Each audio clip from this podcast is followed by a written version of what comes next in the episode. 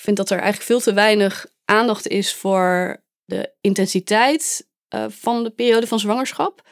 Niet alleen dat het dus intens is omdat het heel veel met je doet, dat je heel erg in verandering bent, maar ook omdat het je heel veel kan brengen. Dat het je heel veel nieuwe, ongekende kracht kan geven of toegang kan geven tot een kracht waarvan je niet eens wist dat je die in je had. Dat was Anna Meerte Korteweg, cultureel antropoloog, mindfulness trainer en auteur van Vrije Geboorte en het recent verschenen Mijn Reis naar Binnen. En je luistert naar Mama en de podcast, seizoen 3. Wat is de rol van je intuïtie tijdens de zwangerschap? Hoe werkt ons lichaam tijdens de geboorte? Waarom is het tijd dat feminisme de bevalkamers overneemt? En wat kun je als partner nou het beste doen om je voor te bereiden? In het derde seizoen van Mama en de podcast ga ik, Nina Pierson, samen met deskundigen op zoek naar antwoorden op deze en meer vragen. Om jou te ondersteunen en te bekrachtigen in de transitie naar het moederschap. Want naast een baby wordt ook een moeder geboren. En dat verdient minstens zoveel aandacht. Welkom bij alweer de twintigste aflevering van Mama en de podcast. Ik ben Nina Pierson, jullie host van alweer drie seizoenen Mama en de podcast. Nog maar een paar afleveringen te gaan tot mijn eigen zwangerschapsverlof, zodat ik alle focus kan leggen op mijn reis naar binnen. Ik merk dat de behoefte steeds groter wordt om in de hibernation-modus te gaan. Het is vaak vanuit rust en stilte dat we pas onze intuïtie en innerlijk verlangen en wensen horen spreken. Naar binnen keren en de antwoorden en kracht in jezelf vinden is een essentiële voorbereiding op de bevalling. Een onderwerp waar ik het vandaag over ga hebben met mijn gast, cultureel antropoloog Anna Meerte Korteweg. Ze is ook auteur van het gelijknamige net verschenen boek Mijn reis naar binnen. Wat mij betreft een super mooie en waardevolle aanvulling op het bestaande aanbod, omdat de focus op de interne wereld vaak in het Westen nog eens vergeten wordt. Elke zwangerschap biedt volgens Anna de kans om nog meer jij te worden en werkelijk je eigen keuzes te maken. Maar hoe doe je dat precies? Daar ga ik het vandaag uitgebreid met Anna over hebben. Maar eerst wat handige tips van mijn founding partner van dit seizoen, Jules. Een kinderwagen gebruik je intensief. En daarom is het belangrijk te weten waar je op moet letten bij de aanschaf. Vragen die je kunt stellen zijn: Ga je veel met de auto of juist met het openbaar vervoer? Kan je de wagen makkelijk inklappen en pas deze in de kofferbak? Wil je de wagen voornamelijk in de stad gebruiken en vaak stoep op en afgaan, of wil je er juist mee door de bossen kunnen wandelen? En niet geheel onbelangrijk, hoeveel ruimte heb je om de kinderwagen te stallen? Dan wil je ook rekening houden met de lengte van jou en je partner, die in mijn geval best wel verschilt. En ook met het gewicht van de wagen, zeker als je op twee hoog woont. Let er ook op of de wagen ergonomisch is, voor zowel je baby als voor jezelf. Dingen waar ik verder persoonlijk ook op let is, kan ik de bekleding makkelijk wassen? En toen mijn dochters ouder werden, wilde ik ook de kijkrichting van de wagen, van richting mij naar richting de wereld kunnen aanpassen. Oh ja, let tot slot op het opbergmandje onderin. Ideaal namelijk als deze wat groter is voor al je accessoires, zoals luiers en verschoningskleedjes, maar ook handig wanneer je boodschappen gaat doen. Vandaag praat ik met Anna Meerte over haar boek, Mijn reis naar binnen. We praten eigenlijk over hoe we de zwangerschap en de geboorte meer ruimte kunnen geven en ook vanuit een andere manier kunnen benaderen. Dus niet alleen het medische en de, de metingen uh, en de gezondheidsaspecten ervan, maar juist ook aandacht voor de psychologische veranderingen bij de vrouw en de emotionele veranderingen die erbij komen kijken. Uh, daar gaat haar boek natuurlijk ook over. Hoe kunnen we deze fase van transitie, in het Engels ook wel matrescence genoemd, zien als een kans voor persoonlijke groei? Uh, we praten ook over de rol van overgave in het bevalproces. Waar hebben we nou wel echt invloed op, maar ook waar hebben we geen invloed op? En ze deelt daarin allerlei mooie praktische oefeningen uh, die je kunnen helpen om die reis naar binnen te maken. Anna Meerte, welkom vandaag. Uh, ik vind het heel erg leuk om je te zien. Um, ook al het gevoel dat we elkaar al langer kennen of zo, dat het niet helemaal nieuw is, omdat we al heel veel contact hebben gehad. Uh, maar dan via de digitale weg. Maar nu zijn we hier uh, vandaag live om, om dit gesprek op te nemen, om te praten over jouw nieuwe boek, Mijn reis naar binnen. Voordat we beginnen, ehm, wil ik altijd even een kort voorstelrondje doen aan de hand van drie vragen. Om jou een beetje te introduceren bij de luisteraar. En de eerste vraag die ik altijd stel: wat is jouw waarom? Waarom doe je wat je doet?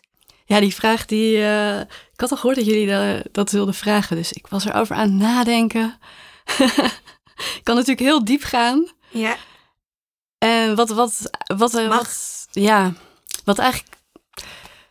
Ehm, je kan het heel groot maken en je kan het heel klein maken. Maar eigenlijk waar het om gaat voor mij is om in plaats van. Als je zoveel onrecht ziet eigenlijk. En je zo niet thuis voelt op een bepaalde manier. eh, met de manier waarop de dingen in elkaar zitten in de wereld. Dan kan je eigenlijk twee dingen doen. Of heel erg in verzet gaan en gaan vechten en ontevreden worden. En depressief worden. Zoals ja, zoals ik misschien ook wel in mijn puberteit was. Met kisten en eh, anti. Ja, of je eigen antwoord geven. En ja, daar ben ik altijd wel een beetje naar op zoek. Van hoe kan ik nou mijn eigen antwoord geven? En er eh, ja, een creatief, iets creatiefs van maken. In plaats van eh er tegen in te gaan. En ook weer anderen inspireren om dat ook te doen misschien. ja.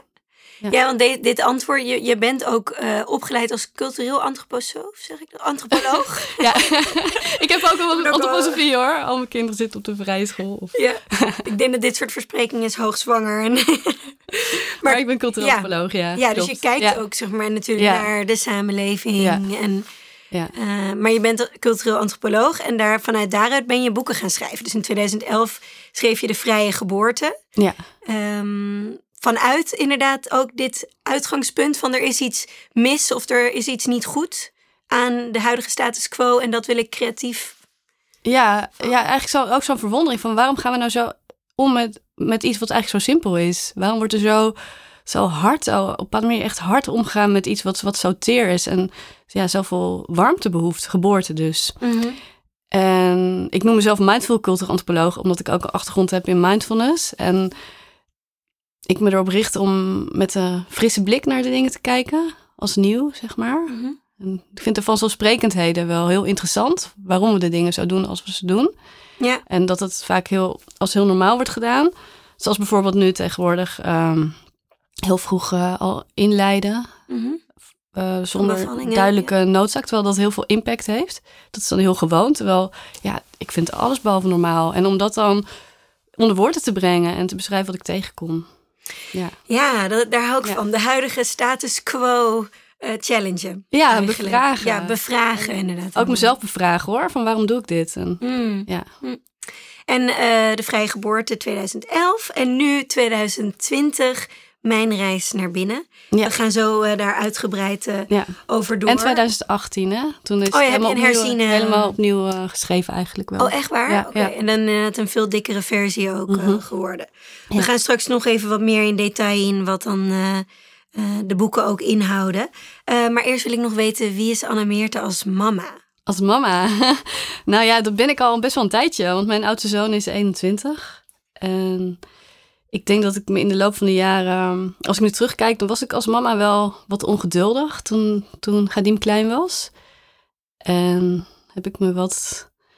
Ben ik me langzamerhand wat meer gaan inleven ook... eh, in, in de kinderen. En is ook meer tot me door gaan dringen van hoe ontzettend belangrijk die kindertijd is. Ook omdat ik, als ik over mijn eigen jeugd nadenk, me realiseer van ja, dat, is- hele kleine dingetjes kunnen enorme impact hebben en je altijd bijblijven.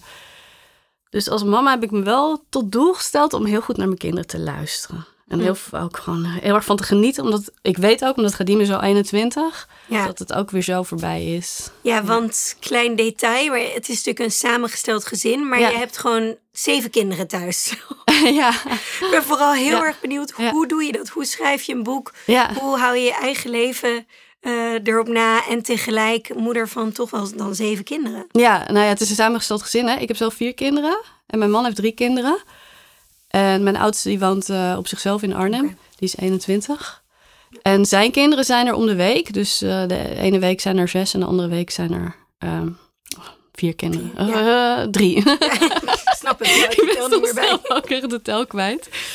En ja, hoe doe ik dat? Om dan ondertussen mijn ruimte te vinden. Ik had voor mijn verjaardag had ik van, eh, van mijn dochtertje Jana van eh, tien, die had zo'n zo'n hele grote A getekend. En overal hingen kinderen aan die A. En ik zat zo in het midden van de A, in het hokje, zat ik een boek te lezen. En dat vond ik wel mooi. Ja. Dus je neemt hem, je, je pakt het gewoon. Ik Heb je, het, eh, ja, gaan, gaan ze al, allemaal naar school ook? In normale omstandigheden natuurlijk. Ja, ze gaan allemaal naar school. En het is soms echt wel heel moeilijk hoor, om de focus te vinden. Ja. Maar het is ook, ja, ik weet niet of jij dat ook hebt gehad met jouw boek. Maar als je er helemaal induikt, dan is er ook geen weg meer terug. Dus Ja. ja, ja. Dan ga je. Dan ga ik maar is, is het altijd chaos thuis? Of is het ook wel een soort. Nou, Heb je heel chaos- erg structuur? Ik vind het heel interessant. Ja, chaos, chaos. Ja, het, het kan wel. eh, Het is, ze, hebben het heel goed met elkaar. Ze kunnen het heel goed met elkaar vinden. Dus ze zijn eigenlijk een soort van gang die met elkaar optrekt. Daar hebben we eigenlijk enorme mazzel mee ook. Hmm. Ja, het is wel heel bijzonder. Ze zijn echt op elkaar gesteld. Ja, en de Alle jongste? zeven. De jongste is hoe oud? Eva, is zeven. Is zeven, oké. Ja, ja. Ja, misschien, ik kan me namelijk nu niet voorstellen, als ik dan nu vriendjes van Ella en Bodie eh, over de vloer heb met vier kinderen. Maar dat is natuurlijk allemaal dan in de leeftijd van één tot en met vier. En dat Ja. is dan wel al, eh, Nou, het is super intensief hoor. ja, ja. ja oké, dat is het. Maar het is ook vooral loslaten. Nu ligt er bijvoorbeeld echt zo'n berg was in, de, in de gang boven. De hele gang ligt vol. Jeetje, heb je nu twee wastrommels? of niet? Doe je het nog steeds met één? Ja, ja, maar soms gaat het achter elkaar door. Het is gewoon een soort fabriek. Ja, en dan, ja, dat is bij mij al. Anitja, ik weet niet of je dat concept kent. Dan, eh, Anitja ken ik uit de, uit de Vipassana retraite, meditatieretraite. En dat betekent, eh, ook dit gaat voorbij. Dus Oh ja. als je dat maar onthoudt, ook dit gaat voorbij. Ja. Ja. ja, nee, dat moet je wel jezelf eh, blijven herinneren. Maar eh, nee, mooi. Lijkt Ja. mij een enorme rijkdom tegelijk. Hè? Het is zeg maar natuurlijk en-en. Klopt, ja. ja. Ehm, wat was jouw grootste zelfzorgblunder tijdens een van je zwangerschappen? Of misschien heb je de fout vaker gemaakt. Ja, zelfzorgblunder. Dat is toch. Als je zo'n signaaltje krijgt, ergens je voelt zo, zo, zo'n gut feeling, zo'n zo'n zo'n kriebeltje van hé, hey, er klopt iets niet, om er dan niet naar te luisteren.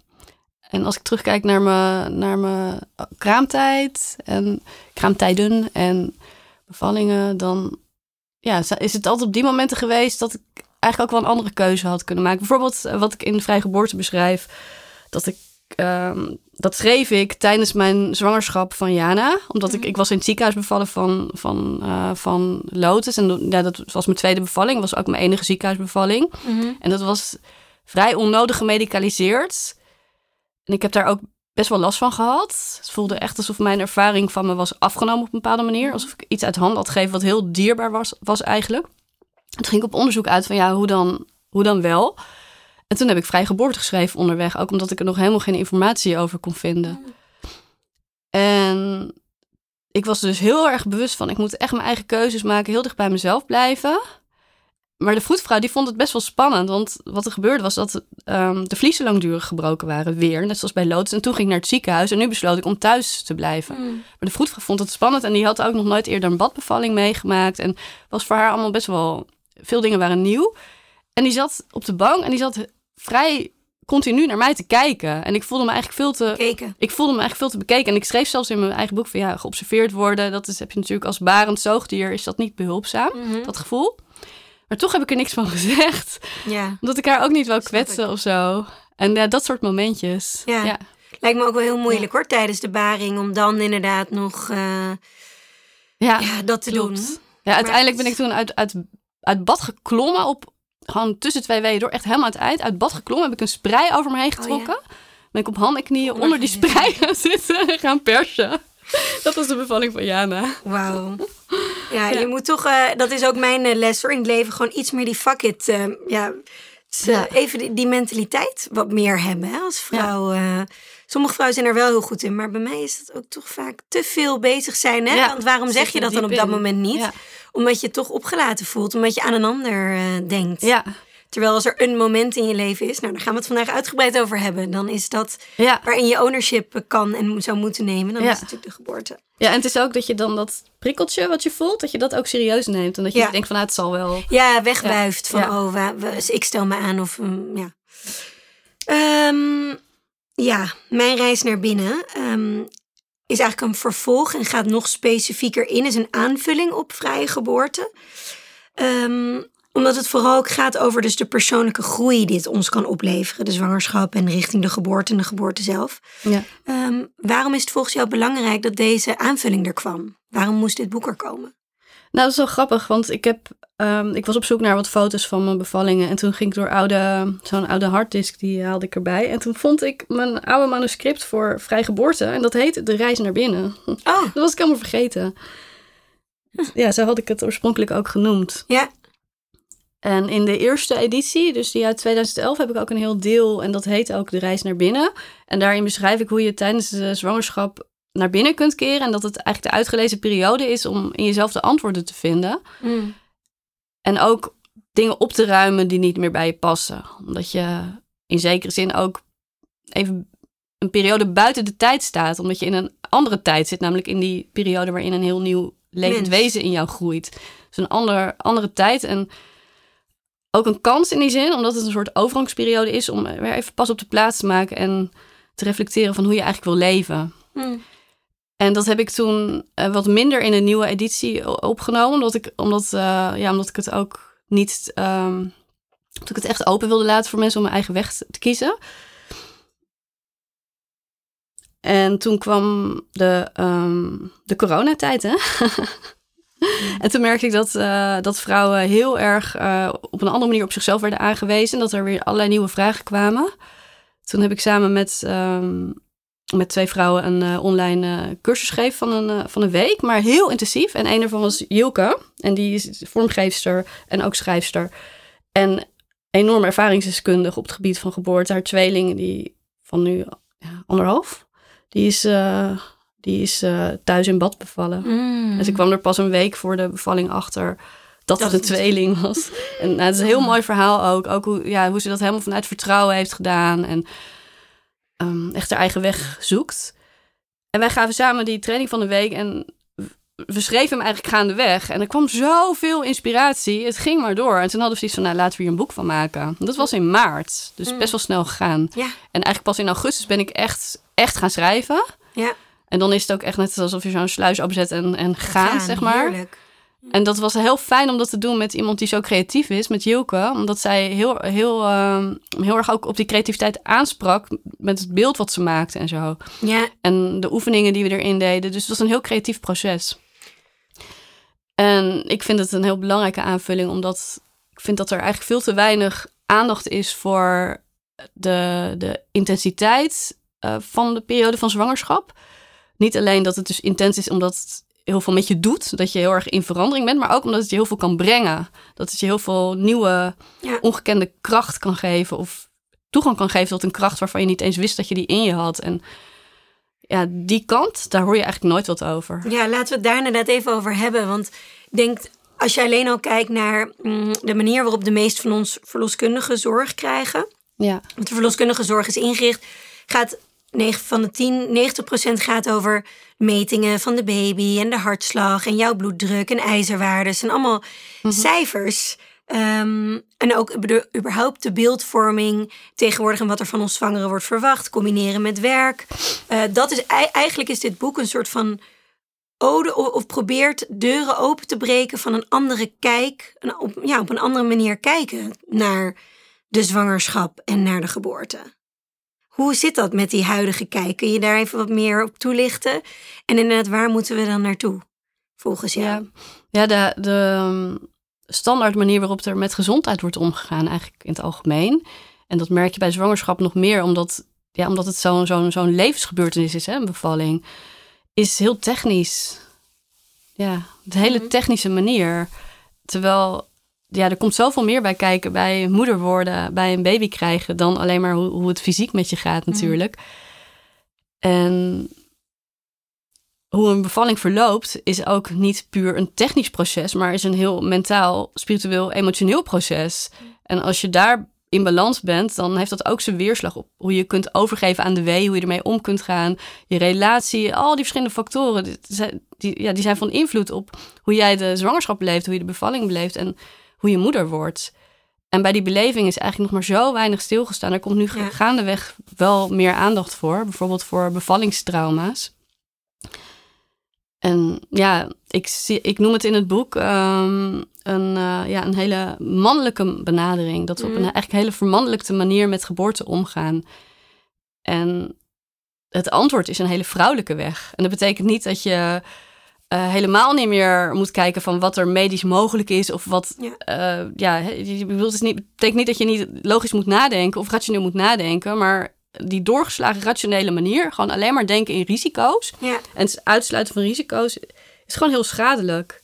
In plaats daarvan kun je veel beter kijken van hoe werkt geboorte? Wat heb je nodig om een geboorteproces haar werk te laten doen? Mhm. En als het proces stagneert, van goh, wat heeft het proces nodig? Dat is een hele andere insteek dan ja. Eh, risico's uitsluiten en ingrijpen.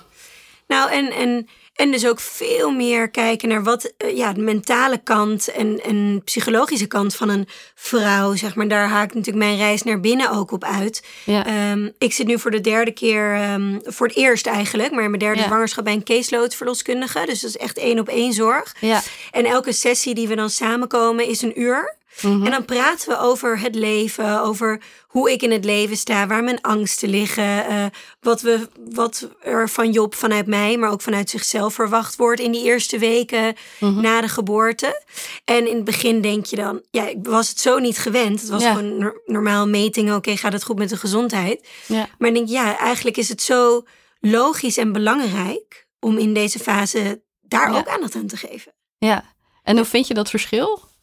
Ik, denk, ik denk, kijk, ik ben nu natuurlijk ook een beetje een, bevallen, ja, een eh, zwangerschapsnerd. Ja. Ik weet er zoveel van en Ja. ik zit zo diep in het onderwerp. En ook omdat het mijn derde is, ehm, denk ik nu niet van, oh, dit had ik echt nodig. Maar ik vind het heel fijn. Ik zou, als ik een vierde keer zwanger zou worden, zou ik het ook doen. Maar ik denk vooral als ik dit bij mijn eerste had gehad, jeetje, dan had ik er, ja, dan had ik me niet zo verloren hoeven te voelen van, oh, waar moet ik mijn info nog vandaan halen? Ja. En gelukkig kwam ik toen bij hypnobirthing en is het voor mij zeg maar goed uitgepakt. Ja. Ehm, maar überhaupt ook bezig zijn met persoonlijke groei.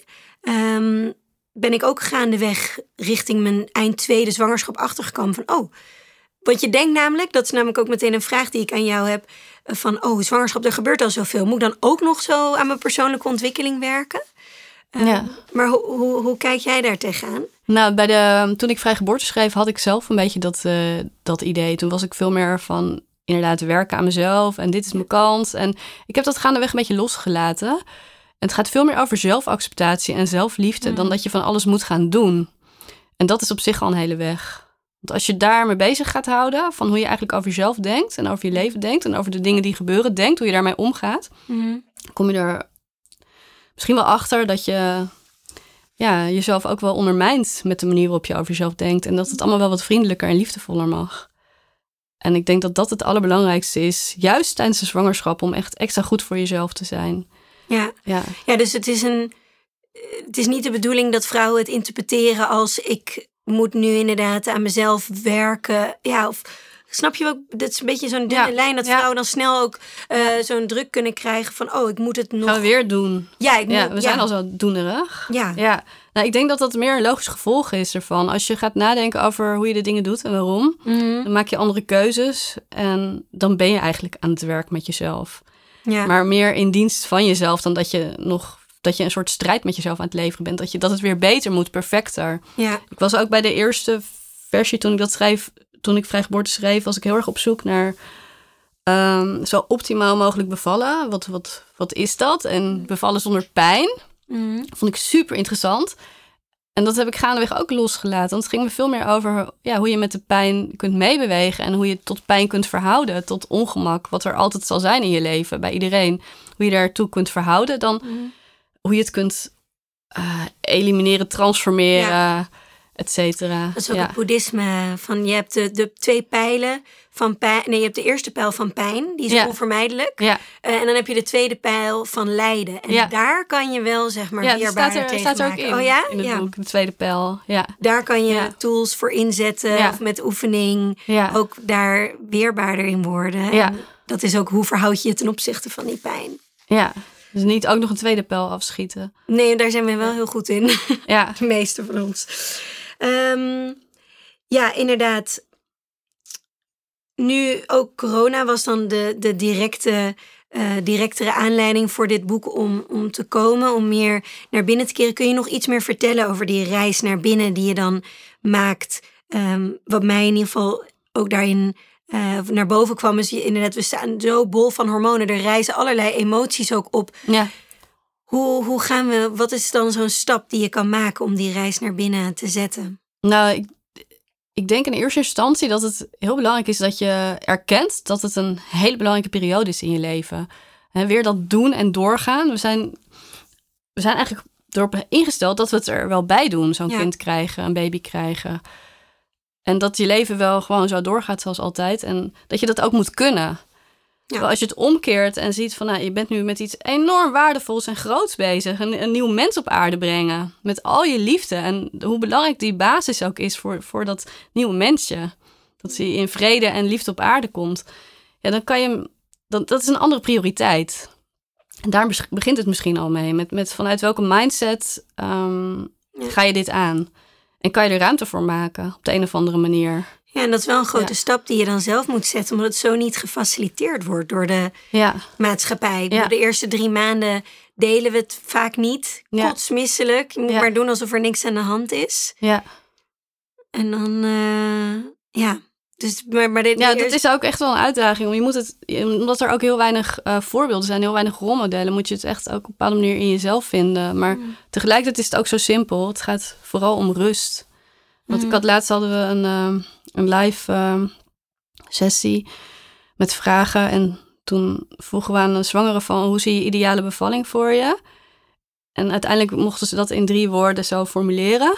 En bij allemaal, stuk voor stuk, was een van de drie woorden was rust. Mm. En dat hebben we zo nodig. Ja. En dat heeft het geboorteproces ook zo nodig. Ja. Ja. En de zwangerschap ook. En dat is natuurlijk toch weer terughaakt op deze, dit bizarre jaar. Heeft natuurlijk wel de versneller er voor veel uh, wel uitgehaald.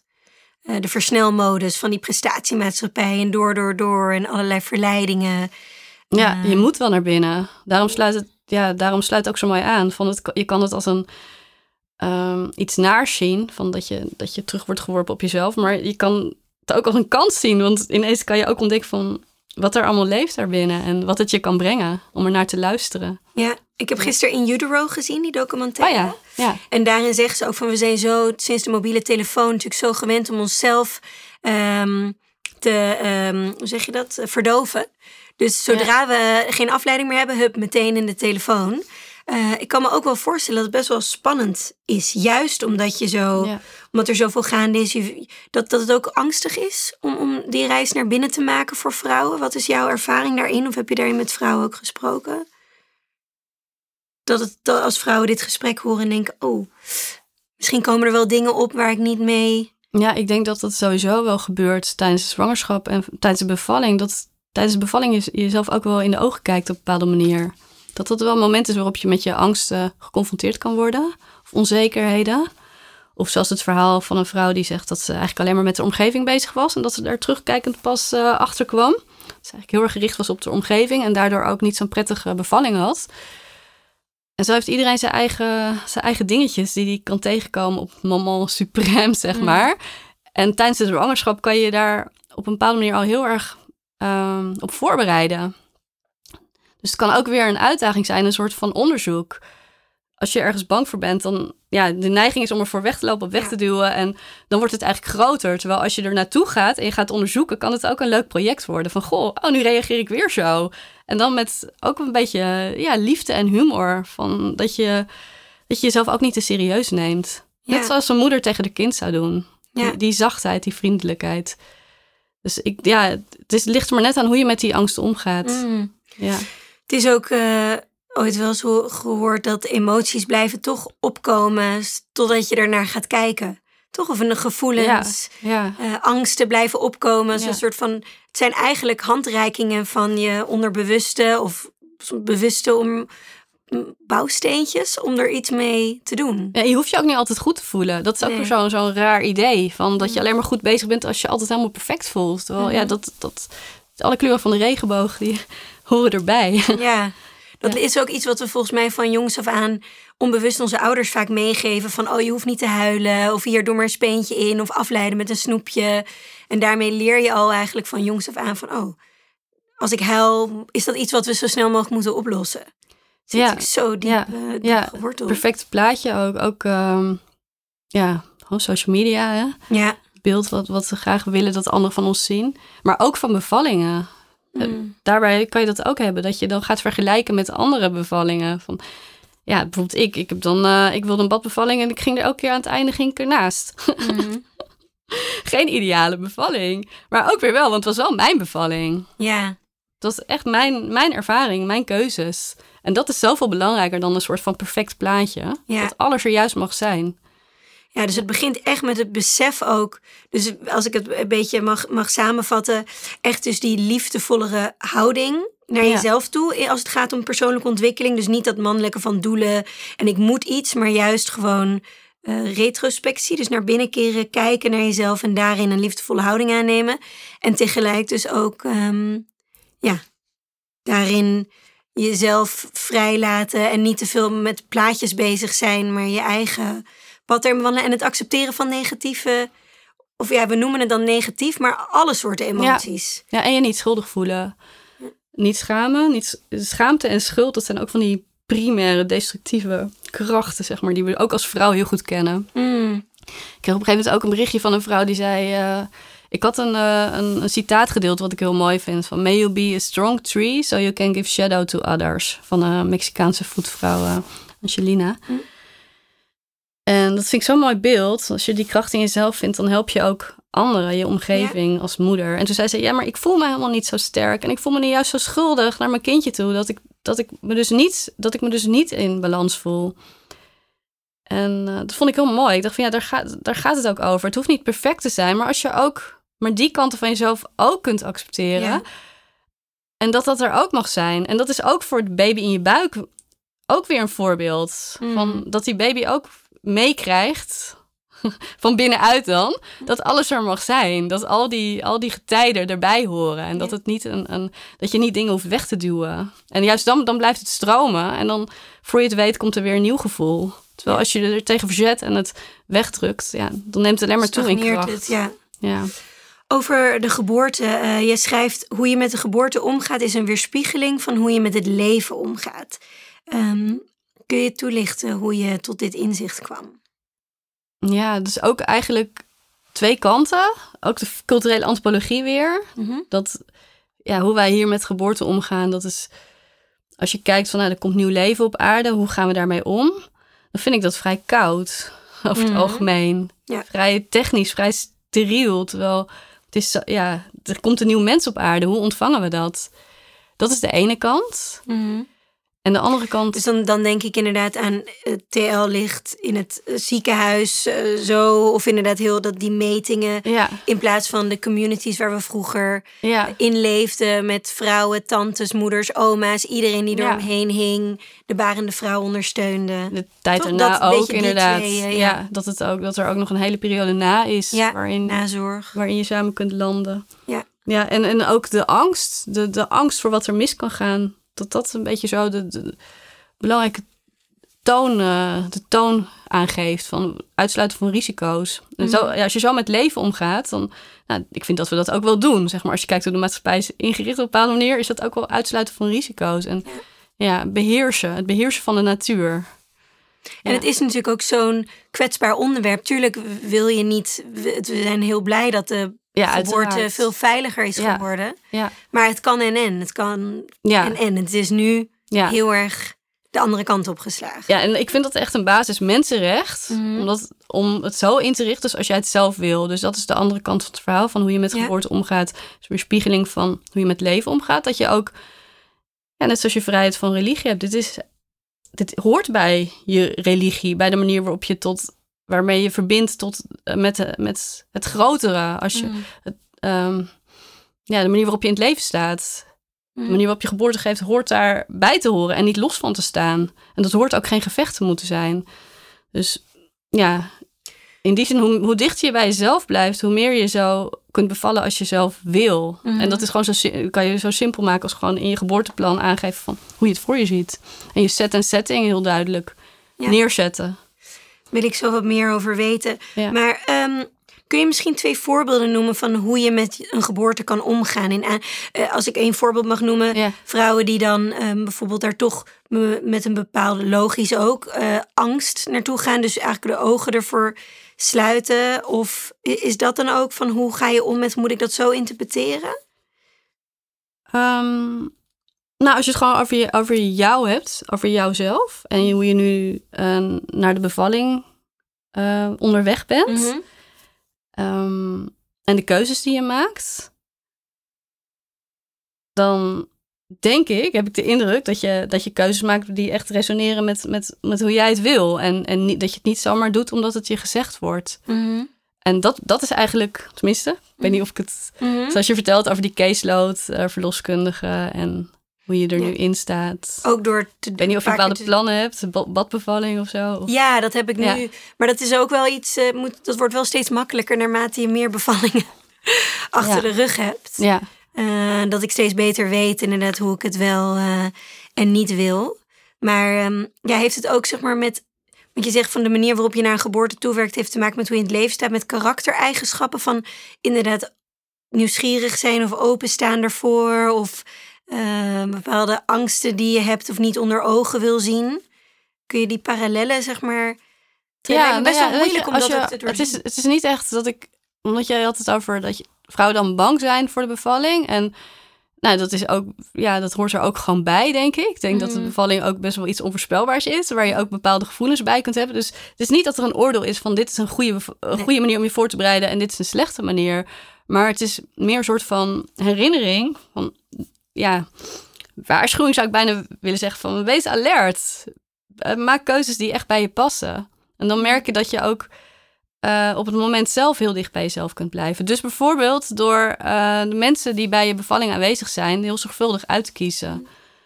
En door na te denken ook over de periode daarna, hoe je kunt zorgen voor voldoende rust. En de periode daarvoor ook, dat je niet tot het laatste moment blijft doorwerken. En dan pas ineens je realiseert van, maar ik ga een baby krijgen. En, en Ja. wat, dat je nog merkt dat je eigenlijk nog helemaal niet in je lichaam helemaal gezakt bent. En dat je dus echt keuzes maakt die goed zijn voor jou. Waar mogelijk natuurlijk. Want we Ja. hebben ook gewoon normaal leven en er moeten dingen gebeuren. Ehm, dus om, ja, om zo dicht mogelijk bij jezelf te blijven bij de keuzes die je maakt. En dat, dat, ja, dat kan zo simpel zijn als eh, eh, in welke kamer van het huis je gaat bevallen waar je het meest op je gemak voelt. Ja. Of in welk ziekenhuis. En dat je dan misschien voor een ander ziekenhuis kiest als daar meer mogelijk is. Waar het et wel op neerkomt is dat je dus dat voorbereiding daarin toch wel Ja, essentieel is. En ook ja. het beeld wat we hebben van oh, het is iets waar, waar we iets waar we overheen moeten stappen of iets wat we moeten doormaken of een vervelende ervaring, dat dat ook moet veranderen. Ik denk dat Ja, of dat, of dat ze misschien gewoon ook onderzoeken. Als je Mm. er zo over denkt van waar komt dat vandaan? Daar begint het eigenlijk mee. ja, Het, het beeld wat je erover hebt, om dat niet als vanzelfsprekend aan te nemen, maar te kijken van is dat eigenlijk wel zo? En waarom geloof ik dat? ja, Waarom is het afzien? ja, dus een onderzoekende, Ja, onderzoekende houding. ja, Het is ook wel, ehm, je, je stipt het net al aan. Ik vind dat namelijk ook zelf altijd heel interessant. Dat schuldgevoel ja. in dit gesprek erover. Want ehm, je reis naar binnen eh, kan natuurlijk ook geïnterpreteerd worden als ehm, dat iets maakbaar is. Eh, en als iets maakbaar is en het gaat niet zoals je wil, dan kan je daar inderdaad schaamte of een schuldgevoel eh, over krijgen. Volgens mij is Ja. statistiek tussen de 9 en 44 procent van de vrouwen heeft een negatieve of traumatische ervaring. Mhm. Ja, dat zijn enorme, enorme cijfers. Ja. Ehm, hoe kan je dat rijmen met elkaar, inderdaad? En waar komt ook het weer het stukje overgave in kijken? ja, Maar eerst over dat schuldgevoel. ja. Schuldgevoel als het anders gaat dan je, dan je nou, dat, hoopte, dat je dus inderdaad, eh, als we het hebben over eh, de bevalling, je eigen maken en daarin voorbereiden en over ehm, persoonlijke ontwikkeling. Maar stel dat dingen toch anders lopen. Er zijn genoeg vrouwen die daarin wel negatieve ervaring hebben en schaamte. Ehm, Mhm. Ja, en het schuldgevoel bij zich, het- ja, het, het, de gevoelens van schuld bij zichzelf neerleggen. Ja, ik denk dat eh, zo die laatste artikelen ook die hè, in de kranten over eh, geboorte stonden, waar we ook mee bezig waren. In de In Volkskrant. de Volkskrant en in het NRC over de doula. En vrij negatief. En dat een beetje de tendens van die artikelen. En ook weer heel vanzelfsprekend. De toon is uh, van, uh, nou, um, je hebt eigenlijk niks te zeggen over hoe een bevalling verloopt. Mhm. Dat, dat overkomt je en nou, dan kan je maar beter zo goed mogelijk ook op, op het slechtst mogelijke scenario voorbereid zijn. Mhm. En dat is een hele, heel, eigenlijk heel negatief beeld. Wat helemaal geen ruimte laat aan, aan de kracht van de vrouw zelf. Mhm.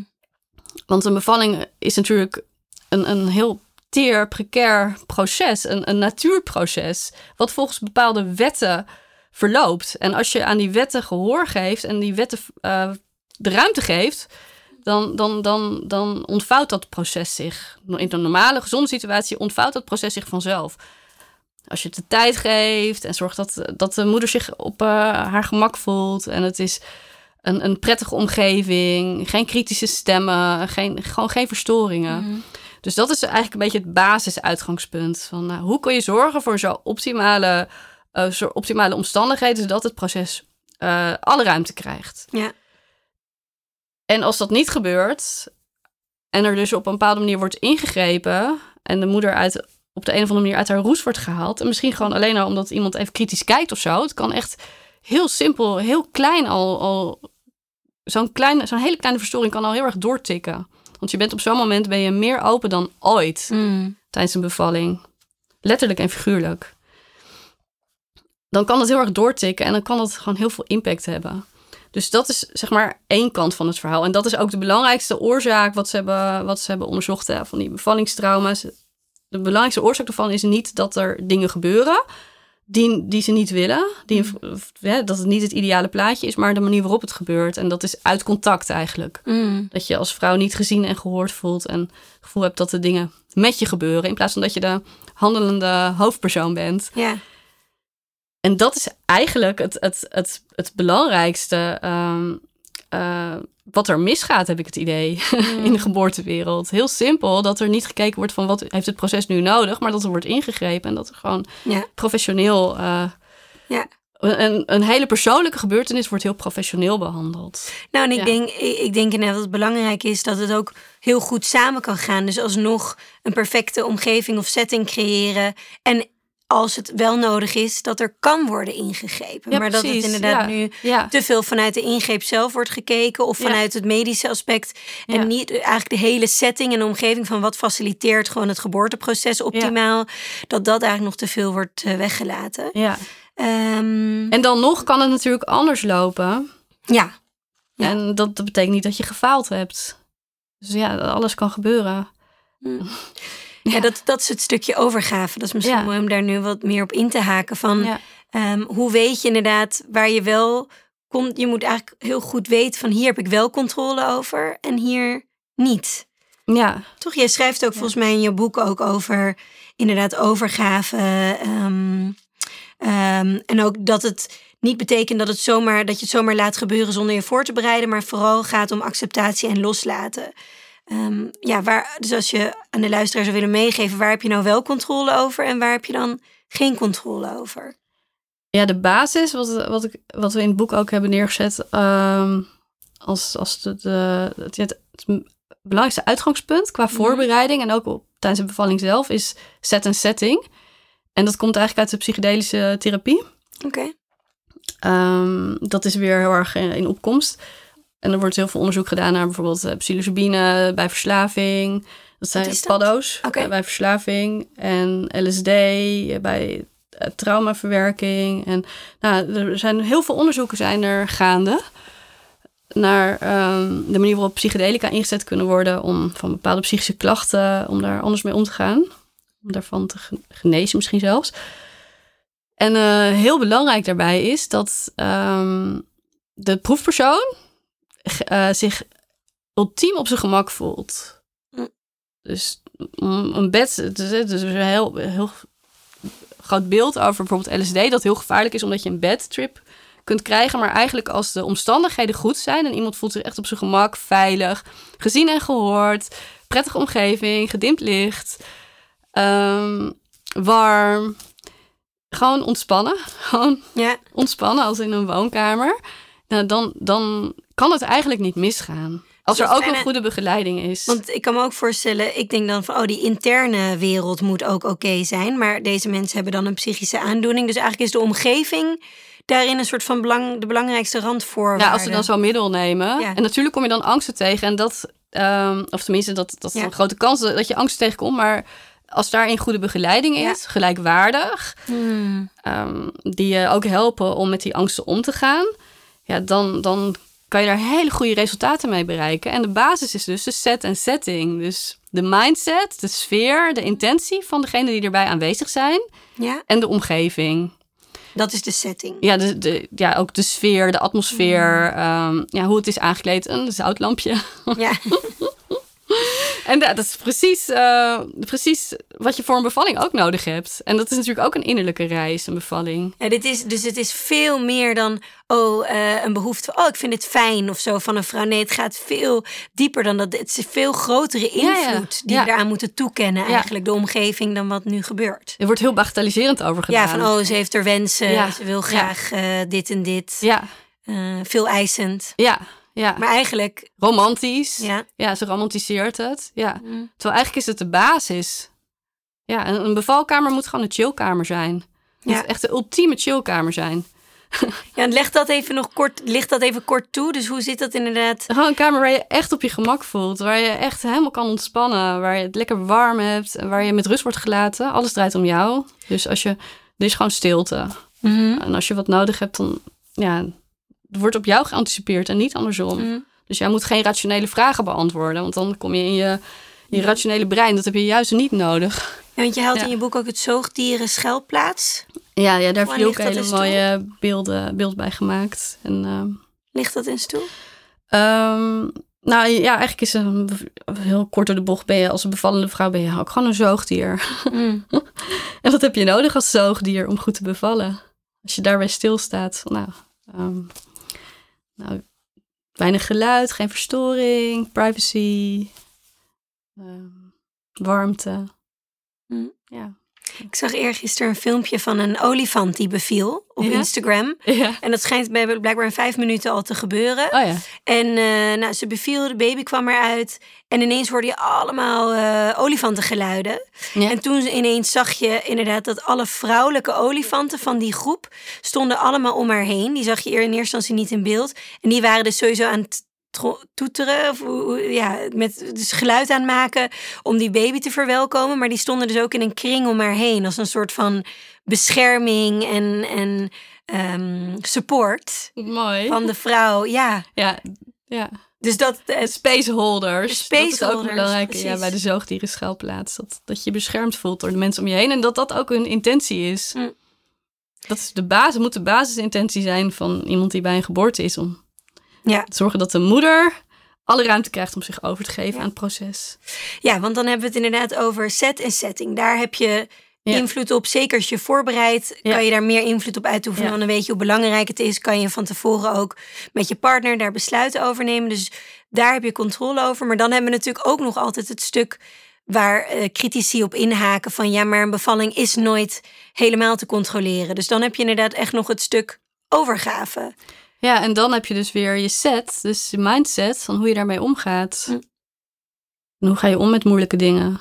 Met angst, eh, met misschien, ja, als je in paniek raakt, wat helpt je om er weer uit te komen? En daar gaat een heel groot deel van het boek gaat daarover van de kernkwaliteiten die je eigenlijk in je hebt, die, die, die je bent, zoals ontspannen aanwezig zijn, in verbinding zijn, dat je heel bent, dat je verbonden bent met, met, met je omgeving, met je baby. Hoe, je- hoe je daar, ehm, hoe je die kunt benutten en hoe je, hoe je die kunt inzetten om eh, je, je kracht weer terug te vinden en je vertrouwen weer terug te vinden op moeilijke momenten. En die vraag krijg ik ook wel eens van ja, maar oké, ik weet hoe belangrijk het is om in mijn eigen Ja. wereld te zitten. Maar stel, ehm, we moeten toch naar het ziekenhuis. Ik heb een verwijzing gekregen. Komt eraan. Allerlei mensen stellen zich voor. Nieuwe kamer, onbekend.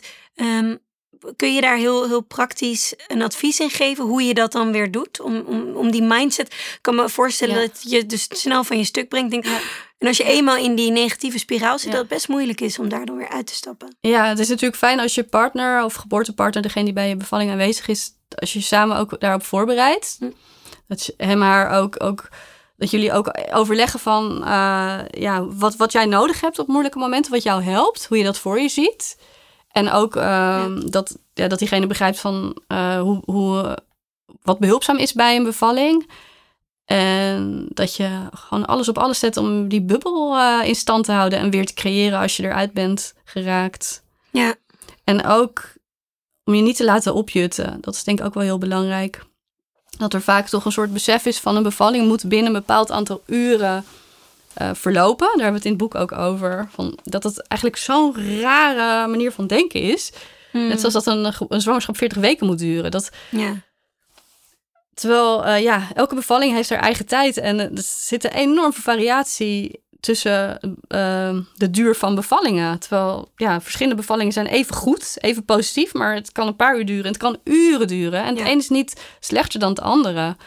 En als je ook weet dat tijdens een geboorte dat er ook af en toe even vertraging kan zijn. En dat je misschien als er een stilte valt en de weeën zakken weg, dat het niet per se negatief is. Mm. Dan ga je er heel anders mee om dan meteen van ja, het stagneert of het gaat niet snel genoeg. Ja.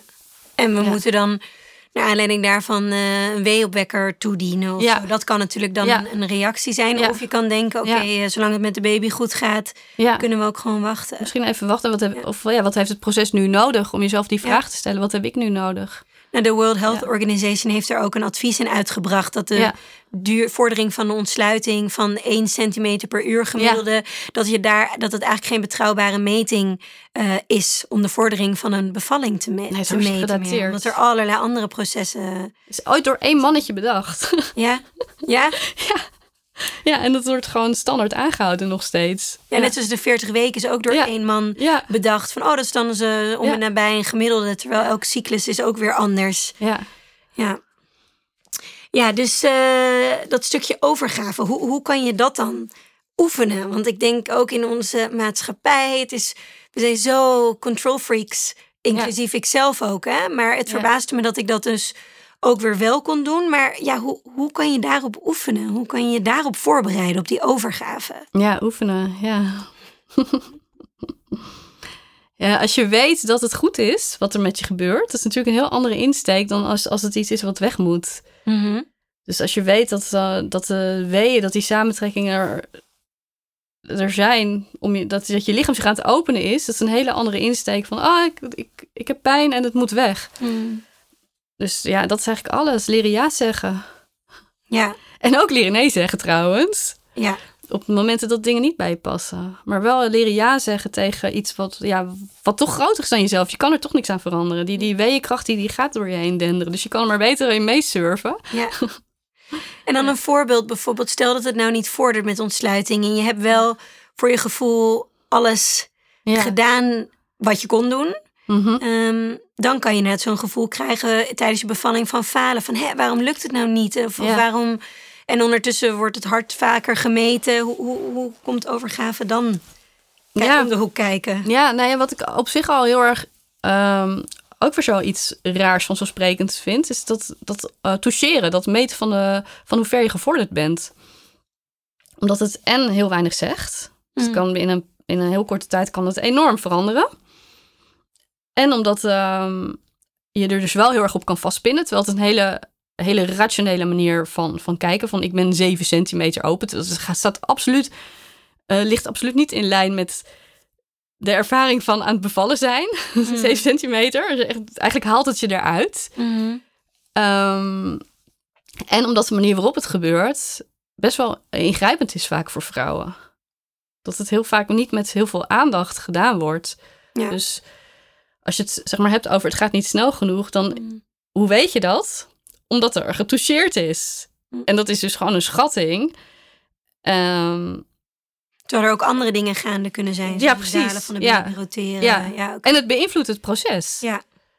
Tenminste, ja, als je ineens, ineens moet, je bent, uh, je bent gewoon aan het bewegen en ineens moet je gaan liggen, want anders kunnen ze niet toucheren. En het wordt misschien wel niet al te, uh, niet al te zacht zacht gedaan. En Mm. misschien niet in contact. Terwijl het je meest intieme lichaamsdeel is. En Ja. ook nog eens terwijl je aan het bevallen bent. Dus terwijl alles daar in beweging is. En Mm. ja, dan kan het gewoon een... Dan kan dat effect hebben. Mm. Het is eigenlijk heel logisch dat je dan misschien wat minder snel opent. Ja. Ja. Ja, dus, dus daarin ook snappen hoe de dingen werken. Dus Ja, toch ja. is overgave ook pas mogelijk misschien of makkelijker wordt het gemaakt als je toch veel meer van het proces snapt en wat Ja. voor jou nodig is. Hè? Ja, en dan als het stagneert, dan kan je ook allerlei trucjes toepassen. Als je weet van Ja. nou, oxytocine is het liefdeshormoon. Ja. Nou, eh, knuffelen, Mm. cocoonen. die je eh, fijn vindt. Ja, Ja. ja. ja, het is een dingetje. Is het ook zeg maar inderdaad belangrijk rust vooraf? Kun je daarmee ook meer of mindfulness ehm, Voordat het begint. voor, om beter te worden in dat overgeven aan het proces? Dus ook eh, de, eh, juist als de dingen anders lopen, om continu te denken: oké, hier heb ik geen invloed op. Ik ga gewoon mee met. Ik denk dat wat een heel fijn anker is, is gewoon je eigen buik, je eigen lichaam. Dat, ja, je lichaam weet het wel. Het is je hoofd wat in de weg zit. En je lichaam neemt het ook steeds meer over. Omdat het gewoon groter wordt en meer aanwezig. En je kan eigenlijk altijd je hand op je buik leggen. En je baby is ook zo'n anker. Die is er altijd. Dus in het Ja. moment, Ja, dus niet er net te veel gaan nadenken. Dat is dat is ja maar ja, dat gebeurt, dat gebeurt. Je denkt na en dan, dan neem je waar van... Oh ja, ik, ik denk na. Ja, En je legt je hand op je buik en je haalt adem. En je lichaam neemt het vanzelf. Je lichaam wil eigenlijk het overnemen. Dat, Mm. Daar is het al die tijd mee bezig. Dus, ja. ehm, ja, Ja, dus volgens mij wil je lichaam, wil de natuur het laatste woord hebben. Want het, uiteindelijk kan het niet anders, want het lichaam gaat toch wel bevallen. Mm. Ja, dus essentieel daarin is toch, ehm, ja, toch snappen. Er is ook zo'n serenity prayer. Ik weet niet of jij hem ook aangehaald in je boek. Eh, heb hem een paar keer, omdat Om ik hem zo toepasselijk vind. Van, nou, van eh, het, is, eh, het gaat zo van God grant me the serenity to accept the things I cannot Ja. change, the courage to change the things I can, and the wisdom to see the difference. ja, ja. Maar dat kan je alleen doen als je Staat voorbereid erin. bent. Ja. ja, dat je snapt van oké, hier heb ik invloed op, hier niet. En dat je daarin ook, als je dat in ieder geval weet, ook in het proces ook makkelijker kan zeggen: oké, hieraan geef ik me over. Ja, En- maar ook bijvoorbeeld als het een keizersnede wordt. Ja, Dus dat, dan heeft het ook heel erg mee te maken met de manier waarop. Dat is Mm. zoveel belangrijker. Of dat is Ja. het allerbelangrijkste. Als, het, als jij het voor het zeggen hebt Mhm. en jij wordt serieus genomen in jouw wensen. Ja, en soms heb je het gewoon niet voor het zeggen. En dan is er een noodsituatie. Maar dan nog, als je gerespecteerd wordt Ja. en gezien wordt als de handelende hoofdpersoon, dat maakt zoveel verschil. En dat is ook mindfulness, niet alleen van jezelf, maar ook van je omgeving. Mm. Ja.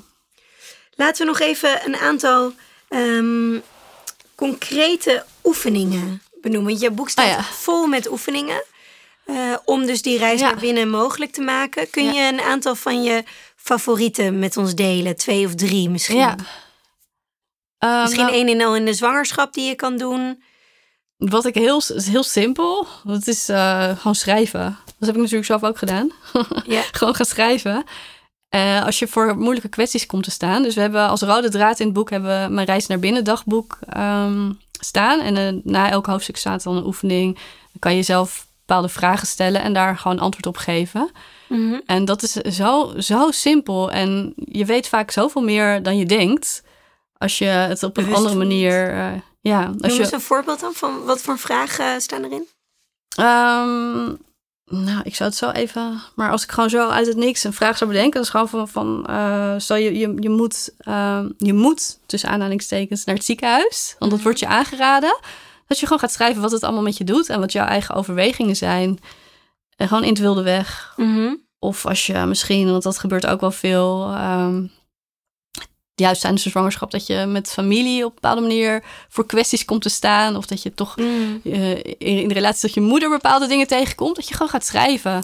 Bijvoorbeeld overtuigingen die je over geboorte hebt meegekregen. Dat is een oefening die in het eh, boek Mhm. staat. Dat je je beeldvorming gaat onderzoeken van wat, wat je hebt meegekregen over geboorte. Hoe je, er, eh, hoe je er naar kijkt en of het eigenlijk wel overeenkomt met wat je er eigenlijk van vindt of hoe het eigenlijk voelt. Mm, Of wat je zou willen misschien. Ja. En dat ook inderdaad, je ideale, je ide- ideale bevalling opschrijven. En dan onderzoeken van eh, waarom je eigenlijk denkt dat het niet mogelijk is misschien. En Mm. waar dat dan zit, waar dat dan in zit. En dan zul je merken dat het heel specifiek is eigenlijk. Iedereen heeft zo zijn eigen angsten of beperkende gedachten. Mm, Dus door Ja. te schrijven maak je het concreet. Ja, creativiteit is eigenlijk ehm, ja, een heel, hele fijne ingang. Ja, je, je maakt eigenlijk concreet wat er in je leeft. Terwijl je, ja, het, anders blijft het een soort van blur, zeg maar. Ja, ja, ja. ja. ja. Dus een dagboek. Een dagboek? Ja. ja. Ja, gewoon een dagboek en een beursmap. Dat Ja. vind ik een he- hele fijne oefening. Ehm, dat is- Geboortekaart. ja, een soort van geboortekaart met, met je kan eh, affirmaties, dus post, positief bekrachtigende uitspraak kan je opschrijven van wat je helpt tijdens de zwangerschap, tijdens de bevalling. En beeld wat je, wat je inspireert. En zo door het boek neem je mee om zo je eigen beursmap te maken. Een soort Mhm. van ideaal plaatje. Nee, ideaal klinkt weer alsof het perfect moet zijn, maar gewoon een, een, een beeld waar je heel blij van Mhm. Wordt. hartewens. Ja, eigenlijk, ja, zo zou je het kunnen zeggen. En dat is een hele mooie tegenhanger ook voor een geboorteplan. Mhm. Dat geboorteplan is natuurlijk heel handig, maar het is ook heel mentaal. Mhm. En op een bepaalde manier ook heel mannelijk om dat te schrijven. Dat je heel erg concreet moet gaan nadenken van... eh, nou, in die en die situatie wil ik dit wel, dat niet. Ja. En ook heel erg dit niet. Terwijl een beursmap is juist heel erg positief van dit wel, zo zie ik het helemaal voor me. Mhm. Dus, eh, En het Ja. birthplan is natuurlijk wel handig om te hebben, zeker als je in het ziekenhuis gaat bevallen, eh, dat dat wel zo zwart op wit staat. Dus Ja. het is meer een soort van aanvulling daarop, echt voor jezelf. ja, je kan het ook Wat je ook kan gebruiken. bespreken met je partner. Of, Ja. Ja, en je kan het ook gebruiken om van daaruit je geboorteplan te gaan schrijven. Dat je gewoon Mhm. eerst je geboorte, je birthmap maakt voor jezelf. Ja. Zodat je dat gevoel van die set en setting waar jij blij van wordt, ook kan overbrengen in die... eh, Dus Ja. affirmaties staan erop. Foto die je inspireert van, een, van een setting waarvan je denkt, oeh, dat, dat zou ik een Bijvoorbeeld, en er staat, eh, in het boek staat een eh, voorbeeld van een beursmap van Jilke, hele mooie. En op ehm mijnreisnaarbinnen.nl, via die website kan je ook schablonen downloaden. Mm. En dan kan je eigen beursmap, eh, kan je uitprinten en kan je eigen beursmap maken. En dat kan op een A4'tje. Of ik zie dan Ja, ik denk een A3. A3. Ja, A3 precies. Ja. ik. Ja, A3 heeft het gemaakt, Jilke. Ja, staat net online. En is er Ja. nog een andere ehm, oefening die echt gaat over die persoonlijke groei? Die je kan doormaken? Of hoe je inderdaad, wat ik zo'n mooi hoofdstuk vind, is dat heling, helend. Mhm. Eh, over hoe je omgaat met negatieve, ehm, bijvoorbeeld een traumatische ervaring van een eerdere bevalling. En Ja. nu kom je voor je tweede te staan. Je hebt daar een heel mooi lijstje genoemd van dit zijn allerlei dingen die je dan kan doen om heling toe te passen. Ja, ja dat heb, heb ik in de Vrije Geboorte, in de Facebookgroep, heb ik toen gewoon om ervaringswijsheid gevraagd van moeders, van wat heeft ze geholpen. En wat wel mooi is in, in dat soort verhalen, na een traumatische bevalling, is als, als vrouwen het daarna heel, ineens heel anders gaan aanpakken. En daarna toch een, een positieve ervaring hebben. En dat heeft heel erg te maken ook met de keuzes die ze maken. Bijvoorbeeld gewoon welke zorgverlener ze erbij willen hebben. Wat voor vroedvrouw, et cetera. En ja, daar kwamen ook een paar hele mooie tips uit naar voren. Van hoe je moet omgaan met zo'n ehm, nare ervaring. Omdat juist als je zwanger wordt, dan kan het weer heel erg bovenkomen natuurlijk. Mm. Juist omdat je dan weer naar een bevalling toe gaat. Maar eigenlijk is de rode draad is eigenlijk gewoon mildheid. Echt goed zijn voor jezelf. En ja, zien dat het niet jouw schuld is en dat je alles gegeven hebt. En, ja, dat is toch eigenlijk wel het belangrijkste. Maar er staan nog wel meer eh, tips in. Zoals een vrouw die, zei, die heeft toen haar bevalling helemaal nagespeeld. Oh, samen met, eh, met haar man. Zo, Oh, wauw. Zijn zelfs in bad gaan zitten en zo. Dingen die dan zijn voorgevallen. Ja, ja. Ah. En toen andere keuzes gemaakt. En dat was heel helend. Ja, Visualisatie op basis van het verleden. ja, ja. Wat interessant. En wat ook heel erg helpt is ehm, om de vorige bevalling echt helemaal uit te schrijven. Mhm. En dat je ook kan herkennen van wat bepaalde sleutelmomenten waren. Waarop je misschien een andere keuze had kunnen maken. Of waarop je omgeving misschien eh, onderbroken heeft. Of zonder schuld, hè? Maar gewoon om het te begrijpen. Precies, want dat Ja. komt ook meteen weer bij mij Ja, naar boven van, oh, wat als? Wat Ja. als ik toen die keuze had gemaakt? En daarin, in ieder geval ook vanuit het boeddhisme, heb ik, is mij bijgeleerd eigenlijk door mijn ouders ook van, ja, maar er is ook een stukje dingen lopen zoals ze nou eenmaal lopen. Daar kan je niet achteraf, al helemaal niet achteraf nog invloed op uitoefenen, maar mhm. neem het dan misschien in plaats van denken, oh, had ik maar zo, maar meer dus als een learning voor de toekomst. ja, meer inderdaad dat je het inzet. Ik bedoel, ja, mijn tweede bevalling was in zekere zin ook wel traumatisch. Ehm, denk ik, ja. Ook, ik heb echt wel heel erg last gehad van, die, van de synthetische oxytocine, van dat Ja. bijstimuleren. Echt een heel dof gevoel had ik daarna. En ja, ik heb het toch, als, als, die, als, het niet, als het niet zo was gelopen, had ik het boek ook niet geschreven. Dus ik heb er ook heel veel aan te danken. Het heeft me ook heel veel gebracht. Ja. ja, dus het begint misschien met het volledig toelaten en accepteren van Ja, de emoties die er zijn. En inderdaad ook als je een schuldgevoel hebt, alle emoties er laten zijn. ja, En daarin ook de ruimte en tijd geven om er toch iets uit te halen dan? Is het, helpt dat? Ja, het kan, kan me ook voorstellen dat je daar soms ook helemaal geen zin in hebt van, van een reden vinden. Hè? Want vaak als je een... nee, ik denk dat dat Nee. vanzelf ontstaat eerder. Mm. Ja. Ja. Want dan, wordt het weer iets wat je moet. Ja, We, we moeten al zoveel. Ja. ja. En het is ook wel lastig, omdat ja, met kleine kinderen ehm, en zwanger en, en ja, ja, het is heel intensief en je hebt heel weinig tijd, juist in die tijd. Dus het, het vraagt ook wel wat om dan echt die ruimte voor jezelf te nemen. Ja. nog een laatste boodschap die je zou willen meegeven Oh jee. aan vrouwen die nu luisteren en die deze reis naar binnen gaan maken. Ja, het is heel simpel. ehm, je bent bezig met iets heel, heel belangrijks, heel waardevols. En geef jezelf de ruimte ervoor. Ja. En dank je wel. Op jouw manier. Ja, maar dank ook je. dank je wel dat ik dat ook zeg tegen die moeders. Van dank je wel voor het grootste werk wat je doet. Mm. Dat ook. Dus jij ook. Bedankt voor het gesprek ook. Ja, jij ook. Dankjewel, uh, Anne en Meerte. Waar kunnen vrouwen mijn reis naar binnen vinden? Nou, gewoon bij de boekhandel, ehm, bij de uitgeverij, via mijnreisnaarbinnen.nl. Ja, En als ze ges- gesigneerd exemplaar willen of als ze willen dat ik er iets inschrijf, kan het ook via vrijgeboorte.nl. En we zijn ook bezig met het maken van een cursus. Die, ja, die zal in het voorjaar eh, zal die, eh, online gaan. Mm, een online cursus. ja, om te beginnen een online cursus. Zeker in deze tijd. Ja, En op de website eh, kun je ook dus zo'n schabloon downloaden en nog andere informatie Ja. vinden. ja op vrijgeboorte.nl kan je ja, veel informatie vinden, ook over het boek. En daar deel ik ook vaak vrije geboorteverhalen van vrouwen, ter inspiratie. En op mijnreisnaarbinnen.nl is veel extra info echt over het boek te vinden. En ook de schablonen en over de cursus, et cetera. Heel erg bedankt dat je hier vandaag was. Ja, bedankt voor de uitnodiging. Dankjewel voor het luisteren naar deze aflevering van Mama en de podcast. Sprak het je aan of heeft het je geïnspireerd en wil je de boodschap met meer mensen delen?